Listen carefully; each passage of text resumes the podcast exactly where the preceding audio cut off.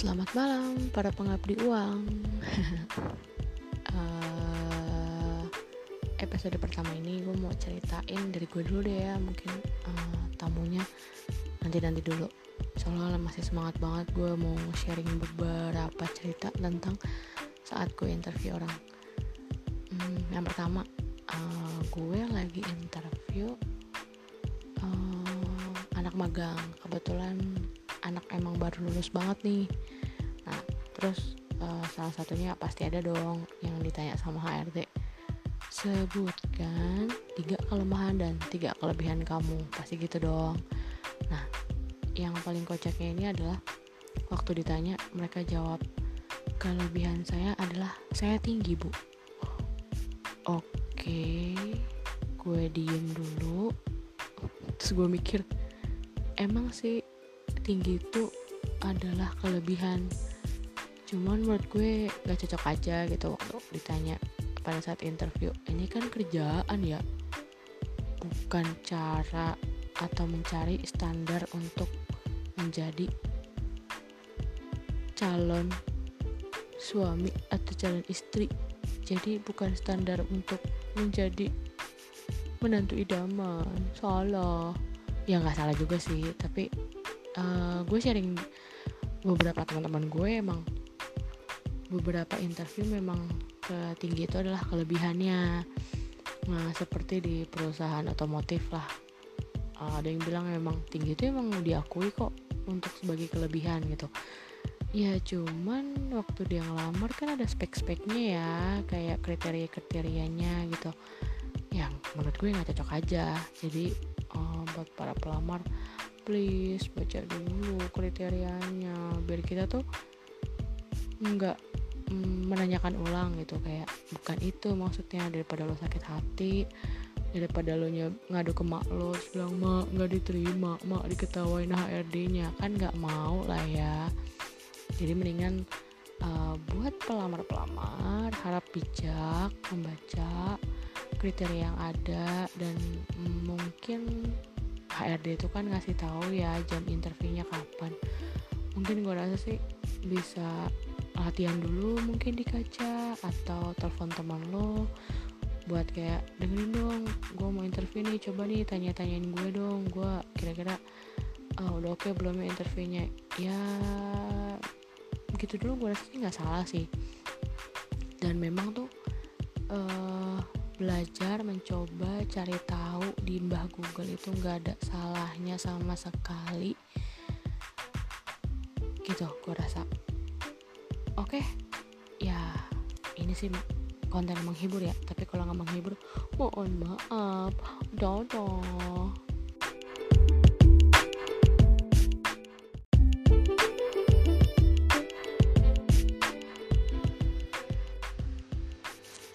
Halo pengabdi uang, selamat malam. Ya karena gue recordnya lagi malam-malam ya.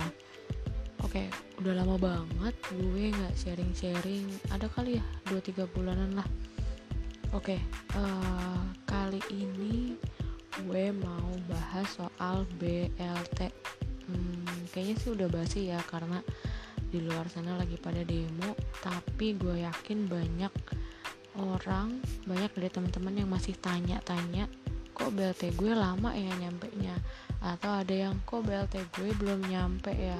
Ini beneran nggak sih? Ini salah nggak sih? Artinya tar dulu gue jelasin dulu semoga penjelasan gue uh, jadi nambah wawasan lo pada Oke, yang pertama gue jelasin dulu nih, apa sih itu BLT? Jangan asal main BLT BLT aja, tapi pengertiannya atau penja kepanjangan eh atau singkatan dari apa lo nggak tahu gitu kan.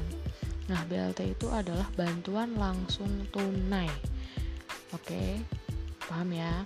Nah, BLT ini itu diberikan oleh pemerintah tapi dimediasiin diproses sama BPJS ketenaga ketenaga kerjaan Nah, maka dari itu ada salah satu syaratnya itu yang mengharuskan peserta yang menerima BLT itu diwajibkan sudah terdaftar di BPJS Ketenagakerjaan sampai bulan Juni tahun 2020 gitu.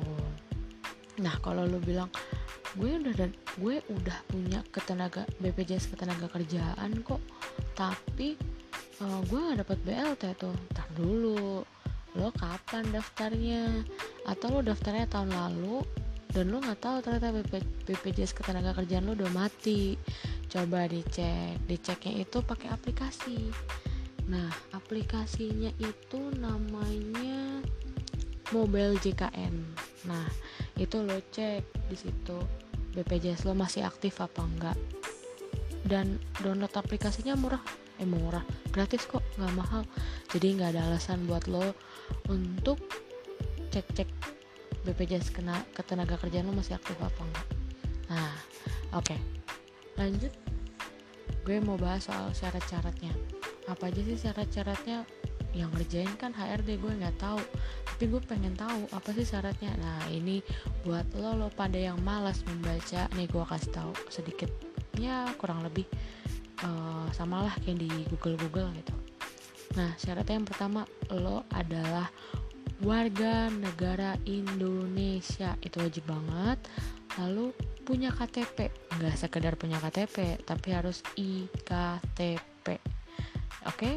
Lalu lo itu yang uh, bukan tena bukan TNI atau pegawai BUMN tolong sadar diri gaji udah lebih dari 5 juta itu pasti.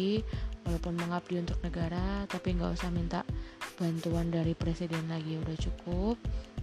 Tolong ikhlas tolong bersabar harap membagi rezekinya kepada orang yang membutuhkan terus uh, syaratnya yang lain itu menerima gaji di bawah 5 juta. Ini nih bentar nih. Ada nih beberapa teman-teman gue yang gajinya sebenarnya 5 juta tapi karena kepotong sama uh, biaya lain-lain. Misalnya gajinya 5 juta pas karena kepotong sama tagihan biaya BPJS ketenagakerjaan biaya asuransi biaya koperasi biaya lain-lainnya deh. Jadi dia dapatnya 4,9 mungkin 4,8 mungkin. Nah menurut lo lo harusnya dapat dong. Tapi menurut perusahaan belum karena yang perusahaan daftarkan itu gaji uh, yang sesuai di kontrak gitu. Jadi uh, perusahaan itu tidak mendaftar gaji yang lo bawa pulang atau yang lo terima. Jadi gaji yang terdaftar di kontrak yang udah disepakati bersama gitu. Lalu terdaftar di BPJS Ketenagakerjaan sampai bulan Juni. Yang kayak tadi gue bilang itu memang uh, wajib gitu. Ibaratnya kalau lo join baru masuk kerja di bulan Januari dan lo didaftarkan BPJS Ketenagakerjaannya setelah 3, 3 bulan kerja ya berarti bulan Maret dong. Nah itu seharusnya masih bisa dapet. Tapi kembali lagi ke ke ke kebijakan dari perusahaannya boleh dapat apa enggak. Ada beberapa kantor yang tidak mm, memfasilitasi karyawannya mendapat BPJS ketenaga kerjaan mungkin ada satu dan lain hal ya gue nggak tahu. Tapi memang beberapa ada yang tidak memberikan BPJS ketenaga kerjaan bagi karyawannya yang masih kontrak. Mau kerjanya udah lima tahun mau 10 tahun kalau dia memang udah uh, masih kontrak dia tidak diberikan BPJS ketenaga kerjaan. Jadi so sad sih memang cuman ya kembali lagi kalau lo setuju ya take it kalau lo nggak setuju ya yaudah ada bye bye gitu. Oke itu syarat-syaratnya. Nah ada nih yang merasa gue udah pas banget kok syarat-syaratnya. Gue udah memenuhi banget kok sama syaratnya tapi kenapa? Kenapa?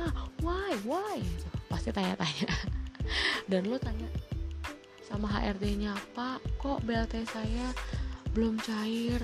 Dan HRD-nya cuma bilang tunggu ya sabar ya pasti dapet. Kalau enggak uh, bu uh, kok saya BLT-nya belum cair? Ya elah gitu ya sabar aja kali. Ya banyak-banyak HRD banyak maksudnya berbagai macam respon HRD ya. Ada yang nyebelin ada yang cuek ada yang bodo amat ada yang sok peduli ada yang bener-bener peduli. Ya itu memang karena lo pikirin aja lah HRD ibaratnya HRD cuma satu dua biji doang ataupun 5 atau 10 tapi karyawannya bejibun gitu. Dan pertanyaan semua sama bu HRD BLT saya kok belum ada? Bu BLT saya kok belum cair? Nah ini gue jelasin beberapa kendalanya. Yang pertama itu nomor KTP belum terdaftar di IKTP di IKTP nah itu otomatis ditolak. Mau lo bohong-bohong kayak mau lo uh, manipulasi iktp lo kayak ini udah iktp kok bu pak. Tapi mohon maaf secara resmi secara sistem itu tidak terdaftar iktp-nya jadi mohon segera diproses. Tapi gue rasa kalau lo emang niat buat dapat BLT karena emang untuk memenuhi kebutuhan hidup lo keluarga lo pasti diniatin deh. Mendingan lo kejarin lo datang ke lurah lo datang ke RT lo proses tuh iktp lo gue rasa sih sekarang udah nggak lama ya ngurus iktp-nya nah terus yang kedua nama KTP dan buku bank itu berbeda. Nah bedanya di mana nih? Nah yang pertama eh, ya, contohnya gini nih uh, Budi uh, Budi Wibowo misalnya gitu. Budi biasanya itu pakai i di di KTP-nya, tapi di buku bank ya Budinya pakai y. Itu otomatis agak seret lah ibaratnya. Untuk cair BLT-nya ibaratnya itu dikesampingkan dulu. Nah, jadi dahulukan itu yang eh, lancar-lancar aja. Iktp-nya ada iktp-nya sama nama nama buku banknya sama. Itu langsung deh lancar gitu kan. Nah kalau beda uh, itu akan dianalisis lagi sama tim tim dari pemerintahnya katanya jadi uh, dicek kalau uh, sama persisnya kurang lebih 9 70 sampai uh, 90% itu akan di, tetap diproses. Tetap diproses cuman memang agak dikesampingkan karena di, perlu dianalisis dulu dengan konfirmasi ke uh, apa data-data dari pemerintah mungkin data-data dari kelurahan atau gimana nggak ngerti juga sih yang penting infonya memang ada perlu untuk konfirmasi ke uh, validan soal datanya gitu. Lalu uh, berikutnya itu kendalanya itu rekeningnya udah tutup. Nah beberapa nih memang nih ada yang ngaku-ngaku rekeningnya tuh masih aktif kok masih ini kok. Itu hanya perasaan aja tapi nggak pernah dicek. Ya cuman nangkring aja di dompet lo buat tebel-tebelin dompet lo buat ngecengin si doi gitu kan. Tapi intinya rekeningnya udah tutup ibarat eh, ibarat. Maksudnya lo pengen yang cepet BCA karena ATM ada banyak. Ya lo daftarin lah rekening BCA lo lapor deh ke, ke HRD lo. Nih gue punya rekening BCA tapi ternyata rekeningnya udah tutup dan lo nggak informasi dan lo nggak uh, update ke uh, HRD lo. Ya jangan salahin HRD lo HRD lo kan nggak terima laporan kalau uh, rekening lo udah mati gitu kan. Nah itu kedetek waktu uh, proses sinkronisasi di pemerintah. Eh kehambat. Gara-gara lo lupa update nomor rekening lo. Ya sorry tuh saya ini lo di di kebelakangin dulu nih. Oke jadi mohon bersabar. Udah jelas ya. Nah lalu rekeningnya tidak valid. Tidak validnya misal kayak gini lo ngasih nomor BCA tapi lo yang dulu lo daftarin itu adalah uh, apa namanya untuk uh, bank BNI ya mohon maaf nih itu udah jelas beda gitu. Karena gue denger dengar sih memang transfernya dari pemerintah ini sesuai nama bank. Jadi uh, saat semua banknya bank BCA semua bank BCA semua serentak. Nah tiba-tiba yang lo masukin nomor BNI karena lo pikir bank BCA apa namanya uh, ya pokoknya mungkin lo ada perasa-perasa pengen update lah mungkin lebih mudah dijangkau di bank BCA tapi yang lo kasih nomor BNI ya mohon maaf itu salah lo. Tolong sadar. Oke okay, jelas ya. Nah lalu uh, nomor rekeningnya dibekukan. Nah gue nggak tahu nih dibekukannya karena apa nih. Tapi lu nggak update ya ke HRD nya jadi HRD yang inputin nomor rekening yang terdaftar di sistem aja ya itu kembali lagi. Salah lu nih. Tolong sadar nih ya. Itu terus lalu yang berikutnya itu rekeningnya tidak terdaftar. Ini kayaknya udah mulai halu nih yang daftar nih. Nomor rekening nggak terdaftar lo sok-sokan daftar akhirnya nggak nemu akhirnya nggak dapet. Nah jadi mohon maaf aja nih. Nah jadi itu beberapa kendala-kendala yang emang uh, gue cocokin nih antara di Google sama yang gue alamin. Itu beberapa tuh ada kali ya tiap hari tuh 10 orang nanya bu BLT bu BLT sedikit sharing aja ada satu tim satu ruangan lah satu tim itu. Sebelahnya udah dapat tapi dia sendirinya belum dapat otomatis dia ngegas dong ke HRD dia ngegas bu lu kas lu pilih kasih ya temen gue udah dapet nih gue belum dapet kenapa? Gitu. Nah karena kita sebelumnya nggak tahu alasannya apa kita konfirmasi ke BPJS nya kita sebagai HRD juga ngomel sih ke BPJS nya maksudnya apa sih ini? BLT ini sistemnya gimana sih? Syaratnya apa sih? Apa sih yang buat kendala? Cuman dari BPJS nya tuh udah kayak taruh tembok gede dengan bilang mohon maaf BLT tidak diproses sama sekali oleh BPJS Ketenagakerjaan. Itu semua diproses oleh pemerintah. BPJS Ketenagakerjaan hanya memfasilitasi data yang kami punya lalu di, diberikan oleh pemerintah sehingga diproses oleh pemerintah. Itu udah sampai di situ. Ditanya lagi besoknya ini apa sih kendalanya pemerintah? Kita nggak punya nomornya. Nggak punya kontak nomor kontak pegawai pemerintahnya. Ya mau nggak mau nanya sama BPJS ketenaga kerjanya dong. Ya cuman mungkin dari pihak BPJS emang udah panas banget kayaknya kupingnya sudah emosi banget. Akhirnya um, sampai di bold di uh, apa huruf besar semua. Kami tidak mengetahui proses selanjutnya setelah data kami berikan ke pemerintah. Oke kayaknya udah mulai emosi nih. Udah akhirnya kita nggak nanya lagi. Dan untungnya BLT-nya udah pada cair gitu. Cuman uh, buat HRD HRD juga nih yang denger ya gue rasa sih eh, nggak uh, ada salahnya atau nggak ada nggak ada ruginya kita memberikan penjelasan secara detail buat karyawan-karyawannya. Biar mungkin karena di daerah uh, karena lagi krisis begini jadi semua tuh bisa jadi orang yang barbar gitu. Eh gue butuh duit daripada menjarah uh, menjarah Alfamart, Indomart ya lebih baik mengharapkan uh, bantuan dari pemerintah. Gitu. Ya semoga informasi yang gue berikan ini hmm, memberi semangat buat teman-teman yang lesu letih lunglai karena nggak dapat BLT jadi ah ngapain gue kerja?